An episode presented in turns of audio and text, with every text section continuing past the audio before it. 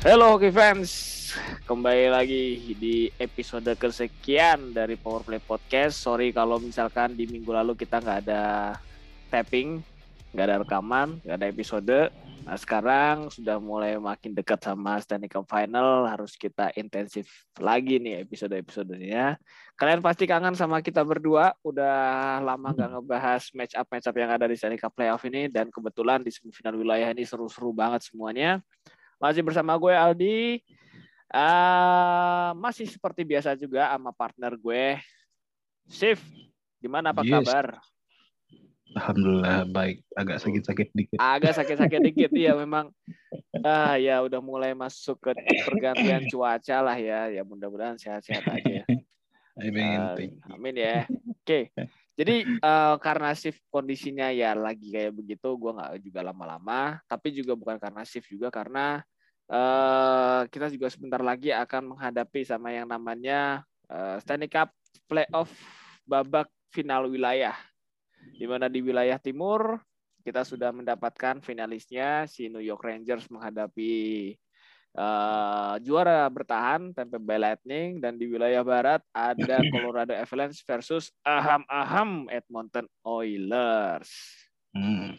Nah, kelihatan ya di sini suara-suara sedih yang habis kalah taruhan. Asem memang bangsat, bangsat itu emang gitu ya. Beruntung ini podcast jadi gue bisa ngomong sesuka diri gue. Oke, okay, jadi nanti di episode ini kita akan uh, review dulu uh, semifinal wilayah yang terjadi kemarin sesuai dengan uh, agak sesuai banget sama urutan uh, urutan tim yang udah memastikan lolos karena kebetulan memang di wilayah uh, untuk untuk urutannya di luar dugaan langsung aja match up yang pertama adalah Battle of Florida. Eh, Battle of Florida. Gue Florida mulu ya Nggak apa-apa. Florida. Tampa Bay Lightning menghadapi uh, Florida Panthers. Oh boy. Di mana di luar dugaan. Uh, That was a massacre, dude. Gimana gimana? That was a massacre. Shit. di luar dugaan terjadi sweep, terjadi sapu bersih di Florida di mana juara bertahan benar-benar menunjukkan kelasnya untuk menghajar tim yang memang memiliki rekor kemenangan cukup bagus selama regular season ini. Tampa Bay Lightning menyapu 4-0 uh, Florida hmm. Panthers.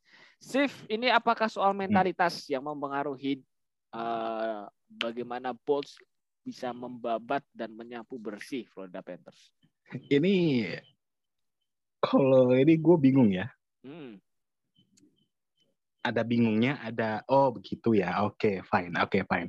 Oke, okay, fine-nya ini adalah uh, Panthers lawan Lightning itu istilahnya mah kayak apa ya? Uh, apa sih? Kayak pembuktian bahwa ini gue gue bisa, gue pasti uh, eh, gue bisa uh, bertanding di laga uh, Stanley Cup lawannya ya uh, back to back Stanley Cup. Oke. Okay. Lightning kan. Hmm. Yang gua nggak nyangkanya itu Panthers like bro. uh, bro. gue lu udah udah udah nggak apa kok nggak hire ya jangan udah nge-signing pemain-pemain yang notabene-nya uh, uh, on fire di masanya mereka gitu dan okay. dan sekarang itu masih hot gitu ya mm-hmm. dan benar-benar uh, risking their uh, cap uh, cap hit gitu kan mm-hmm. soalnya tahun soalnya tahun depan Panthers itu kalau nggak salah mereka akan lebih dari 18 juta dolar ini dari cap hit. Oh, lebih ya, lebih Karena, dari iya. Iya, soalnya uh, ada yang kan ada yang RFA, hmm. yang UFA juga kan pasti mau nambah nambah ini lagi kan. Oke. Okay. Iya kan. Dan well, I mean like ya, ya oke okay, gitu kan kalau misalnya di regular season mereka benar-benar uh, gila gitu kan. Hmm. Cuma why, bro? baru merasakan ya yang namanya Stanley Cup seperti ini. Aduh, iya tadi kalau soal apa tuh namanya soal beberapa pemain yang mereka hire. Kalau kita ingat di, di awal season ini secara mengejutkan Joe Thornton diambil sama Florida Panthers dari Toronto Maple Leafs ya. Klub terakhirnya sebelum Florida, Florida ini ya Joe Thornton ini ya, kalau nggak salah. Oh iya, di, di Toronto.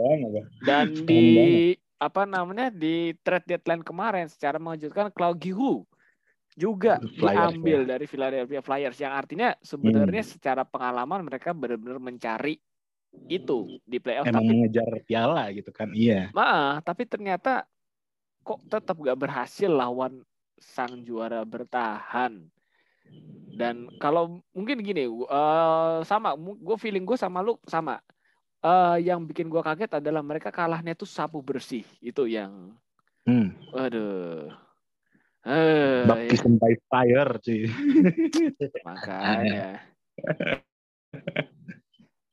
Jadi ya cukup merugikan banget untuk Florida Panthers bagaimana mereka yang sudah luar biasa di selama regular season kemarin ternyata di playoff hmm. mereka harus selesai dengan cara yang sangat sangat menyakitkan ini, sangat menyakitkan, benar itu ya. Hmm.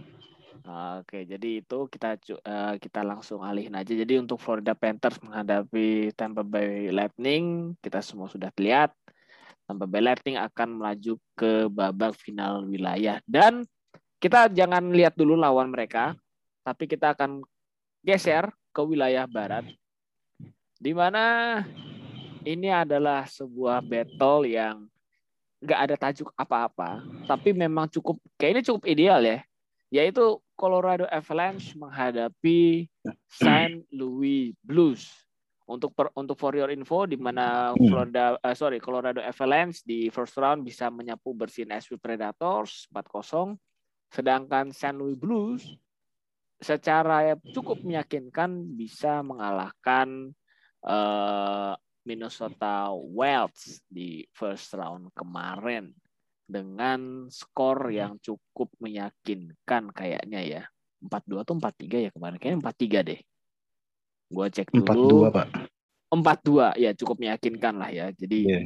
apa yang terjadi hmm. di Winter Classic ternyata berbicara. Oke. Okay.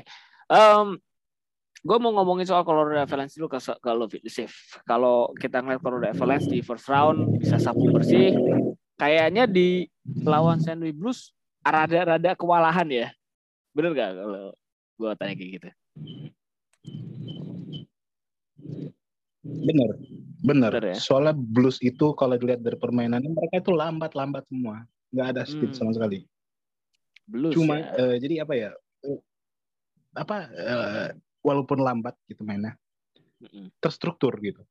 Oh, ada. Okay. You do this, you do that, you do this, you do that eh, selama kalian masih di eh, strategi yang di apa namanya diterapkan kita bisa menang. Sayangnya kun, kunci dari San Blue kemarin itu cedera. Ah. Langsung lah itu Udah kayak udah kayak penguin aja. Apa sekarang udah, cedera ya? Udah kayak penguin aja gitu sekarang golinya yang cedera gitu kan. Oke. Okay. Langsung berba langsung berbanding terbalik. Wah ini emang sih nggak nggak nggak apa namanya uh, nggak sapu bersih tapi sapu perlahan-lahan sakit. sapu perlahan-lahan. Oke, jadi emang apa namanya? Hmm. Kayaknya memang si Colorado Avalanche seperti benar-benar mendapatkan lawan yang harusnya ya. Kalau kita ngelihat Nashville Predators ya praktis kipernya kerja Rodi tuh kipernya Nashville ya lawannya tuh ya benar itu kalau yang namanya diobok-obok diobok-obok banget gitu Oke. Okay. Aduh jangan ngomong Nashville deh kasihan Pak saya Pak. kasihan sih. Ya udah, yang berlalu biarlah berlalu. Tapi kalau kita ngelihat uh, soal si siapa namanya Saint Louis Blues, kalau gue ngelihat secara statistik ya oke okay lah Saint Louis Blues sebenarnya nggak jauh beda di sini Bagus, Pak. Ya, dan apa ya? Um, cukup merata ya. Kalau kita ngeliat ada satu, dua, Hmm. tiga, empat pemain dari Blues yang bisa mencetak empat poin dalam series. Tapi yang gua nggak habis pikir ya inilah Saint Louis Blues. Tim yang nggak pernah kita tengok, tapi kok tiba-tiba merepotkan. Pavel Vucinovic. Hmm. Ini kan pemain nggak pernah kita mention ya selama episode. Ini adalah pemain yang mengumpulkan poin paling banyak 7 poin dari satu gol 6 assist. Ini kayaknya adalah pelayan pelayannya Jordan Kairu. Ya. Dan Hmm. aku mau tanya Vladimir Tarasenko ini kenapa sih? Aduh, Tarasenko ya. Enggak Hmm. ada apa-apa. Bagus Nggak ada banget apa-apa. mainnya. Mungkin karena masih ada unek-unek gitu. Masih, mau masih ada unek-unek sama manajemen Hmm. Blues yang kemarin yang dulu-dulu pernah kita bahas itu ya. Iya. Hmm, Dipecat oke. enggak sih? Itu Gua itu kontrak itu berapa? Yang mana- Itu kontraknya mau habis gimana? Kontraknya di Blues itu? Ah, udah mau habis atau gimana? Masih panjang, Pak. Oh, masih panjang. Iya, dia masih dia tahun ini atau tahun depan RFA ya? Oh, tahun ini atau tahun depan. Hmm, Oke, oke, oke, oke. Jadi masih aman lah ya sama ini. Untuk dan untuk blues ini dan kalau kita boleh lihat sebenarnya blues ini apakah sudah dengan seperti ini step eh, step mereka. Menurut lo mereka mesti melakukan apa supaya ya apa namanya lo bisa lebih baik lah untuk musim depan untuk blues ya. Enggak ada. Bagus mainnya, bagus. Udah begini aja ya. Jadi season jadi season depan udah begini aja mungkin eh, bongkar pasang bench aja gitu kali ya. So, eh, ini semua tim yang masuk di Stanley Cup tahun ini Hmm. mereka kemungkinan untuk masuk tahun depan itu sama-sama besar. Oh oke. Iya.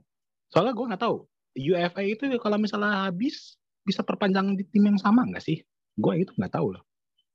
Hmm, nggak bisa. Nggak bisa. Nggak bisa. Berarti cuma berarti cuma setahun nih maksimal Cuma setahun. atau- setahun, paling setahun. heeh. Yang bisa kayak gitu tuh RFA. Hmm. Yang bisa kayak gitu tuh. Iya. Jadi memang kayaknya satu hot take dari lo adalah tim-tim playoff musim ini nggak akan jauh berbeda dengan tim-tim playoff yang akan datang ya untuk musim depan ya, at least tuh ya. Hmm. Oke, jadi itu hot take dari seorang Sif. Colorado Avalanche Saint Blues, Saint Louis Blues 4-2 Colorado Avalanche melaju ke babak final wilayah barat. Nah, sekarang kita akan pindah lagi ke wilayah timur untuk melihat siapa sih lawan dari Tampa Bay Lightning, yaitu wow, New York Rangers yang akhirnya yang baru saja setelah eh, sebelum rekaman ini diambil persis mengalahkan Carolina Hurricanes lewat drama 7 game. Di game ketujuh, New York Rangers berhasil mengalahkan Carolina Hurricanes dengan skor 6-2. Yang menarik di sini adalah sampai dengan game ke-6, dua tim ini hanya bisa menang di kandang sendiri. Nah, pertanyaan gue sekarang, Hmm. mungkin terlepas dari game 7 ya, terlepas dari game 7. Sampai dengan game ke-6, menurut lu, Sif, yang lebih jago kandang siapa sih? Sampai dengan game ke-6.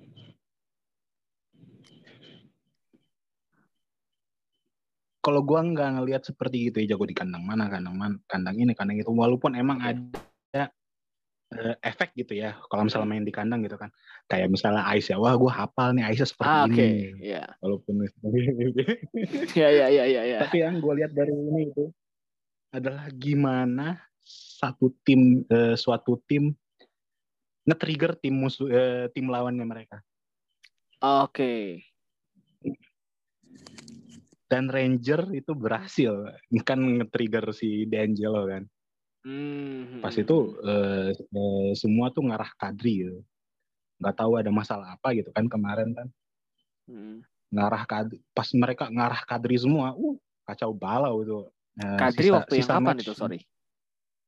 aduh Oh, yang lama. kapan ya Udah lama, udah lama banget ya. itu itu rame banget itu iya Oh, oke. Oke. Ya, em, jadi sebenarnya memang nggak ada pengaruh ya main di eh, main di kandang atau apa ya memang yang menjadi faktor tuh adalah bagaimana tim tuan satu tim bisa mengintimidasi tim lawan itu sebenarnya ya uh, kuncinya ya. Iya. Oke, okay, so yeah.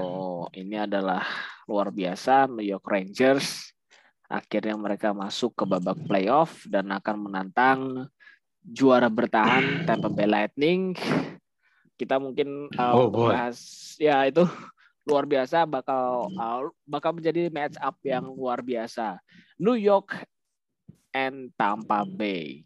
Nanti akan kita diskusikan di sesi kedua nanti. Dan untuk mengakhiri sesi pertama ini, nah, Isif, ini adalah battle yang luar biasa yang akan kita bahas. Kembali lagi ke wilayah barat. ini oh, ini benar-benar luar biasa. Ini adalah playoff uh, salah bisa dikatakan di antara match up playoff yang ada ini adalah yang paling menyita perhatian. Battle of Alberta. Edmonton Oilers yes. menghadapi Calgary yes. Flames. Di mana kalau misalkan taruhan gue tetap berlanjut, gue akan kehilangan 5 juta rupiah sepertinya. Beruntung cuma sampai first round. Oke. Okay. Beruntung. Nah, gue pertanyaan gue begini sebenarnya. Shift itu di game pertama kan Calgary Flames bisa mencetak 9 gol. Oke. Okay. Hmm. Tapi gue melihat benar-benar mereka mengalami penurunan performa. Dan yang paling costing di sini adalah di game keempat. Di mana Calgary Flames, eh, Calgary Flames ya, uh, ambiar. Yang akhirnya hmm. uh, mereka justru kebobolan yang bikin skor 4-3. Nah, um, menurut lo apakah ini ada sebuah adjustment yang di uh, sorry, pertanyaan gue mungkin gue ubah. Uh, game pertama itu Edmonton Oilers menurut lo benar-benar hanya melihat Calgary Flame kayak apa sehingga mereka rela dibobol 9 kali dan ternyata mereka bisa bounce back sampai dengan game kelima aja.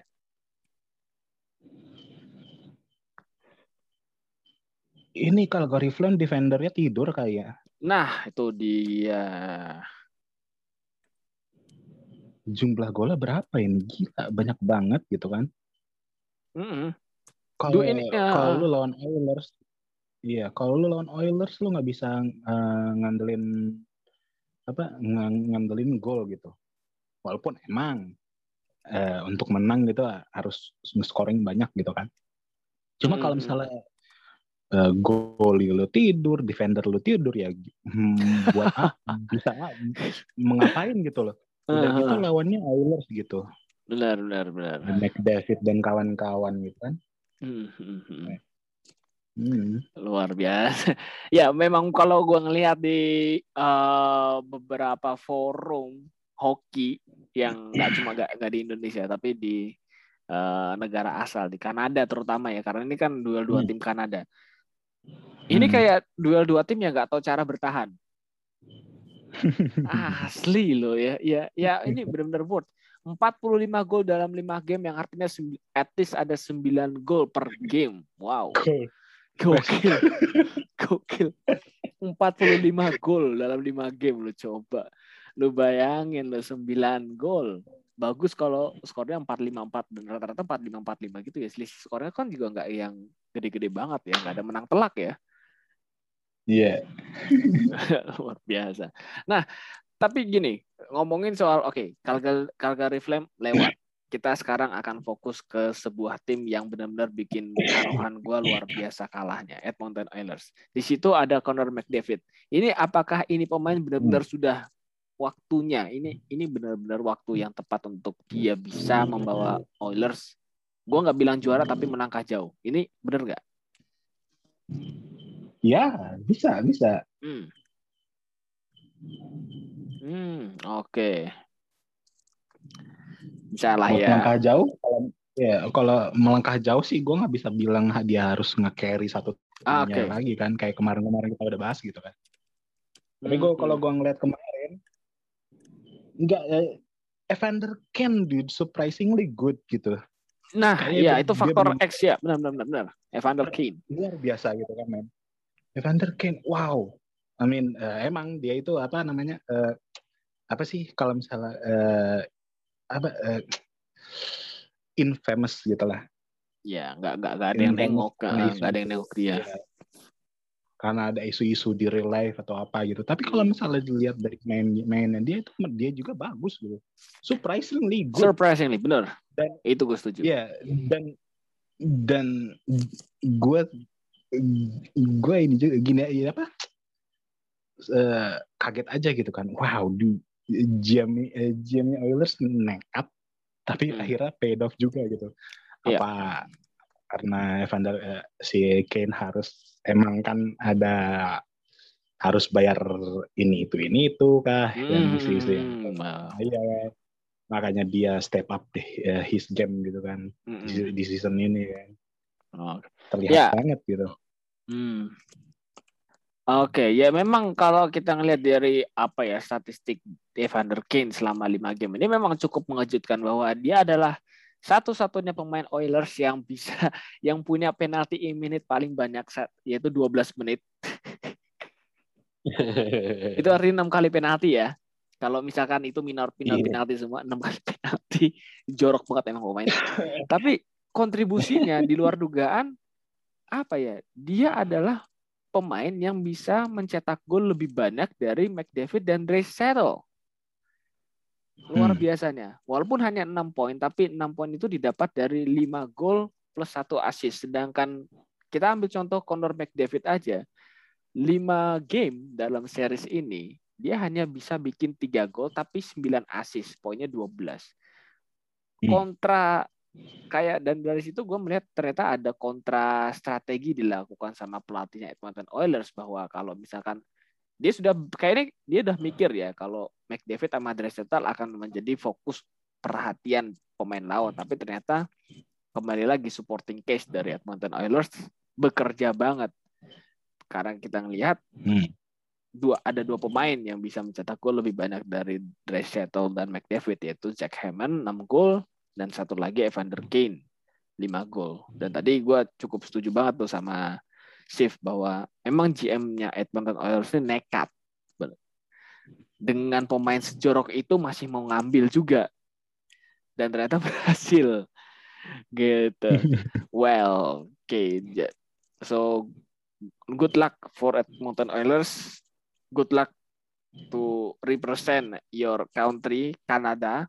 We are really waiting for the glorious back to Canada after Montreal Canadiens win the Stanley Cup in 93.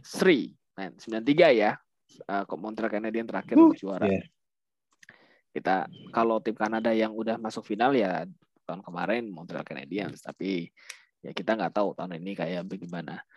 Jadi itu adalah sesi pertama kita untuk mereview semifinal wilayah Stanley Cup Playoffs dan kita akan masuk ke sesi kedua yaitu final wilayah. Nah, tadi udah kita kasih gambaran bahwa ada di wilayah timur Tampa Bay Lightning lawan New York Rangers dan di wilayah barat ada Colorado Avalanche menghadapi uh, Edmonton Oilers. Shift kita akan mulai dari timur dulu. New York Rangers menghadapi Tampa Bay Lightning. Kalau kita ngelihat New York Rangers sebenarnya seri kemarin di semifinal wilayah gamenya cukup boring, sedangkan Tampa Bay Lightning kayak nggak dapat lawan. Lu akan memperkirakan pertandingan nanti atau match up ini bakal seseru apa? Game 7. Oh, langsung nih game langsung tujuh game ya. Salah bakal seru. Bakal seru tujuh game. Lihat. Soalnya kalau lihat Lightning itu tim yang gak gampang dibikin trigger. Gitu. Jadi Betul. kita lihat gimana cara Rangers. Hmm, ya kompor-komporannya si Rangers ya sebenarnya. Hmm. Oke. Okay. Ja, eh, tapi kalau kita ngelihat ini adalah battle of gue bisa bilang ini adalah battle of European karena kita tahu semua kiper dari kedua tim ini sama-sama dari uh, apakah Europe. ini sama-sama dari Rusia atau sama-sama dari Soviet ya karena mungkin teman-teman bisa tahu bahwa kalau misalkan ada pemain kelahiran sebelum tahun 90 ya maka kelahiran Soviet. Hmm. Tapi warga negara sekarang nggak tahu ke mana gitu seperti anak Tony Panarin. Kita kembali ke goli di New York Rangers ada Igor Shesterkin dan di Tampa Bay Lightning ada Andrei Vasilevsky. Bakal boring nggak sih sebenarnya kalau misalkan kipernya ini jadi spotlight, Chief? Karena nggak akan bisa terjadi nggak bisa terjadi minim gol gitu maksud gue. Hmm. Kalau untuk gol ya, Hmm. dua-duanya kuat semua ini kalau dibandingin ya. Oke. Vasilevsky lawan Shesterkin ya. Oke, Shesterkin sama itu sama-sama kuat ya, bener sih. Cuma kalau gua kalau kalau gua lebih condong ke Vasilevsky karena dia satu kali shot out ya Iya, kemarin tuh ya, pas lawan Panthers ya. Panthers bener. Hmm. Lu bayangin deh, Panthers itu Panthers Panthers nih Hmm. di round satu mereka dapat apa namanya power play. Mereka nggak pernah nge-score di power play. Gila, Nah, itu dia Vasilevsky. Ya itu geblek sih itu. Itu geblek game pertama. Asli. Panthers nggak pernah. Ini ini ke mana ini? Aduh. itu, itu intermezzo intermezzo. Intermezzo aja. Itu, itu itu tapi bener goblok banget asli Panthers tuh. Asli. Five on three loh masalahnya.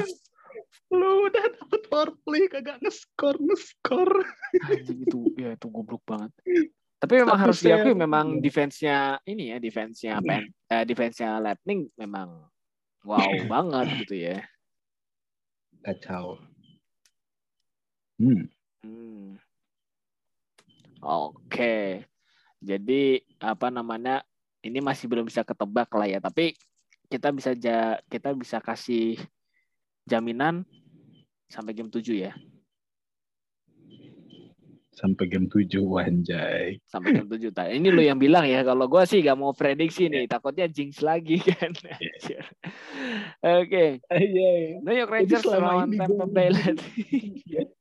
eh, at least shift, at least bracket challenge gue lebih bagus dari Wayne Gretzky ya. Wayne Gretzky Wayne final wilayah, Wayne Gretzky final wilayah kagak ada tim yang lolos loh. Asli, gue masih ada dua. Modar. Modar, keren kan? Gila. Better than the greatest. Oke, daripada gue makin sombong, kita langsung pindah aja ke wilayah barat. Edmonton Oilers menghadapi Colorado Avalanche. Ini adalah dua tim yang baru pertama kali melangkah sampai sejauh ini. Kayaknya, kayaknya ya, sekali lagi kayaknya. Karena memang seingat gua, kalau Edmonton Oilers jelas karena mereka langganan first round exit. Tapi kalau Colorado Avalanche, seingat gua adalah mereka selalu dikalahkan oleh eh, Vegas atau St. Louis Blues gitu. Pokoknya nggak jelas lah step mereka bisa kenapa mereka bisa tersingkir padahal mereka begitu produktif. Nah, Sif, lu akan menjanjikan apa? Apa yang lu expect dari match up ini? Kita bisa eh, ngelihat Treysaitl versus Makinon, Wih. Kan. Iya.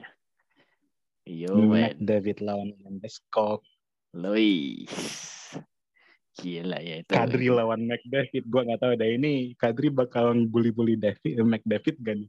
Ah, Kadri, Kadri, Kadri ngebully Kadri lawan Ken aja. Enaknya gitu. Udah, ya kan? Itu dua-dua biang biang ribut tuh.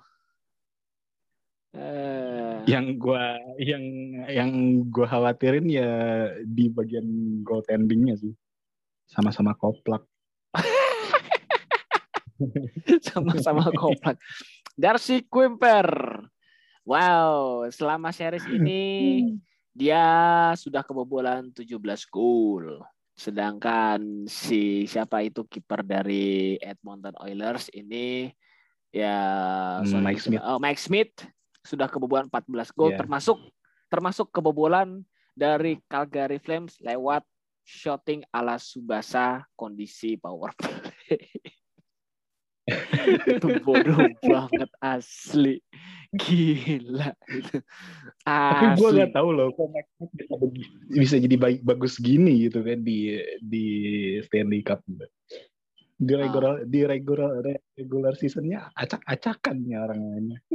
Nah, makanya gitu loh ya mungkin itu tadi ya untuk Edmonton Oilers karena di first round mereka cuma lawan tim bocah di semifinal wilayah ya ngelawan tim yang lupa cara defense gitu.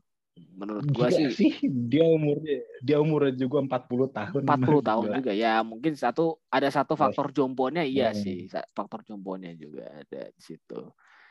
Ya, jadi ini akan menjadi battle of forward lah kira-kira kayak gitu ya. Hmm. oke.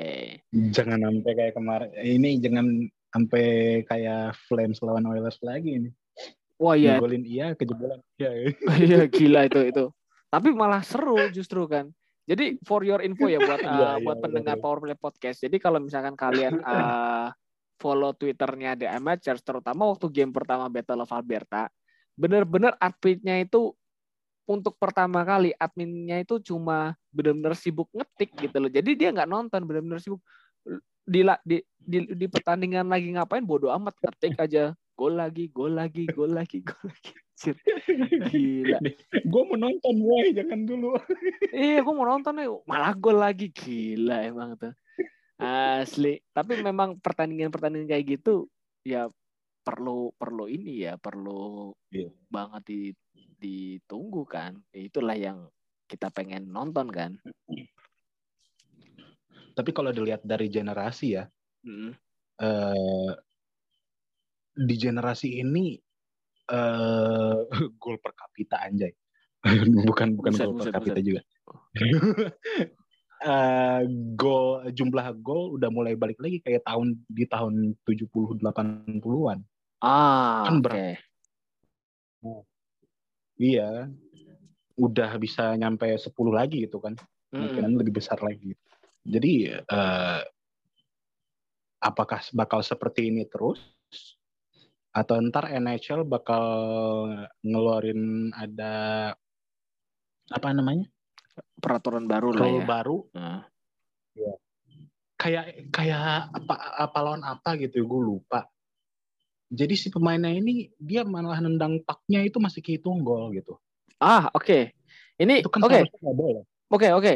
Em, ini kita bakal mundur lagi. Kita akan mundur lagi ke sesi pertama karena ada satu kejadian yang kontroversi sih. Mungkin mudah-mudahan lu waktu itu nonton di elimination game Edmonton Oilers versus eh, Edmonton Oilers versus Calgary Flames.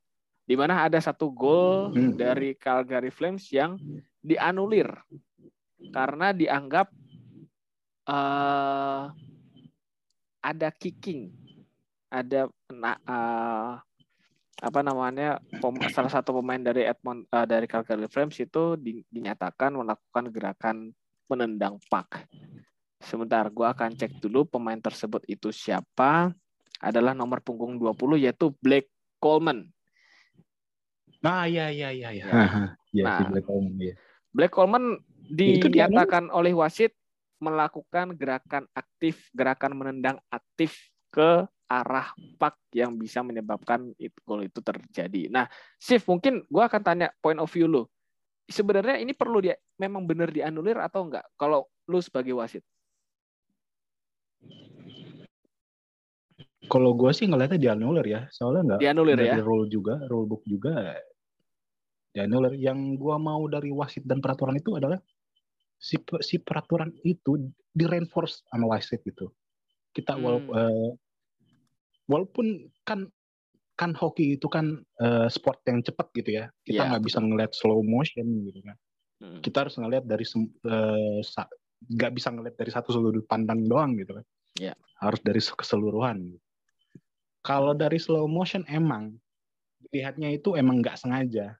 Tapi kalau Oke. dari eh, full gitu kelihatan banget gitu Mm-mm. dari eh, niat niatan si eh, Coleman hmm, kayak gimana lihat kelihatan banget dan memang wajar lah dianulir.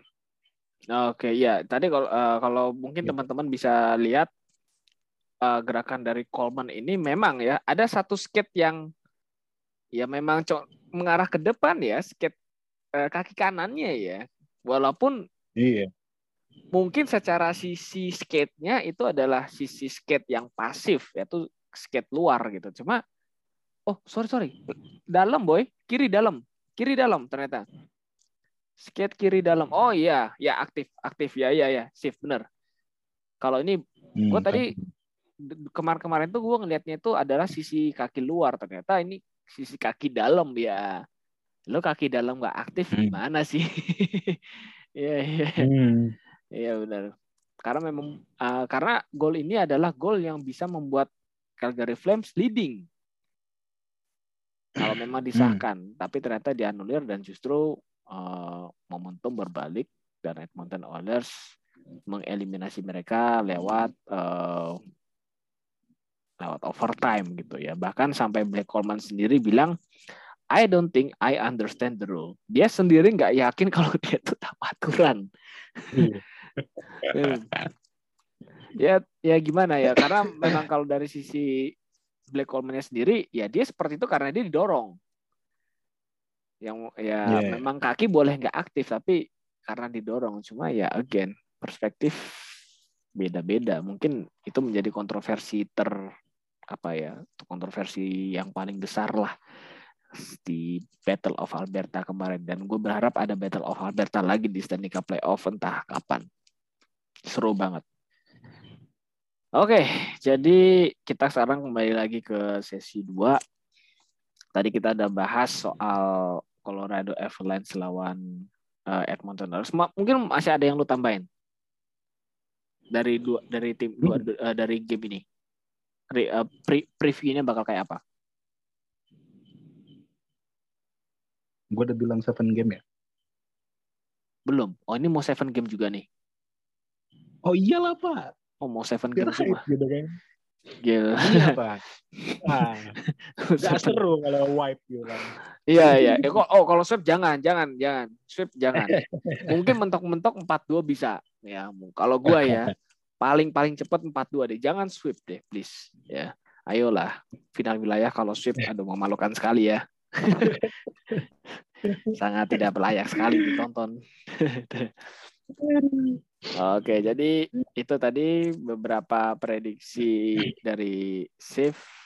Gua nggak berani ambil prediksi, tapi yang jelas kita mengharapkan dari dua final wilayah ini bakal berjalan sampai dengan game 7. Game 4, game 4 deh tuh. Nah, Oke, okay. dan itu aja mungkin untuk pembahasan kita di tentang Stanley Cup Playoff yang sudah memasuki final wilayah. Dan eh, teman-teman uh, kalau misalkan pengen tanya uh, kapan final wilayah Stanley Cup Playoff ini berlangsung ya. Jadi kalau kita ngelihat dari jadwalnya, aduh kok begini sih? Sorry, ini kalau mau diedit bolehlah ya, karena ya maklum lah. Gue sambil lihat jadwal. Oke, okay. jadi um, untuk game pertama yang akan dimainkan adalah game antara Oilers versus Avalanche itu akan dimainkan di hari Pancasila tanggal 1 Juni 2022 jam 7 pagi dan besoknya di hari eh hari Rabu ya itu hari Rabu dan di hari Kamisnya adalah final wilayah timur game pertama Lightning versus Rangers. Oke, okay kita akan akhiri aja episode yang luar biasa ini. Sif, thank you banget udah ngisi episode ini. Kita akan ketemu mudah-mudahan hmm. di minggu depan ya. Yes. Oke, okay, so let's see. Let's see dah gitu. Kalau minggu depan nih kayaknya sih hitungan gue udah 3 sampai 4 game ya. Kayaknya untuk seri ini. Ya, bisa. Udah 3 sampai 4 game. Oke, jadi dan uh, itu aja untuk episode kali ini. Uh, makasih yang udah dengerin Power Play Podcast sampai sekarang dan teman-teman tetap jangan lupa follow semua sosial media dari Power Play Podcast. Kita ada di ada di Instagram, ada juga uh, gabung ke Telegram dengan cara klik bio yang ada di Instagram powerplaypodcast.id dan juga kalau kalian punya Spotify podcast-podcast kita ada di sini di Spotify. Kalian tinggal pencet aja uh, loncengnya untuk untuk episode-episode terbaru kita ini. Oke. Okay. So, gue Aldi dan juga ada Sif. Uh, ngucapin mm -hmm. terima kasih banget kalian udah dengerin episode ini. Sampai ketemu di episode depan. Au revoir.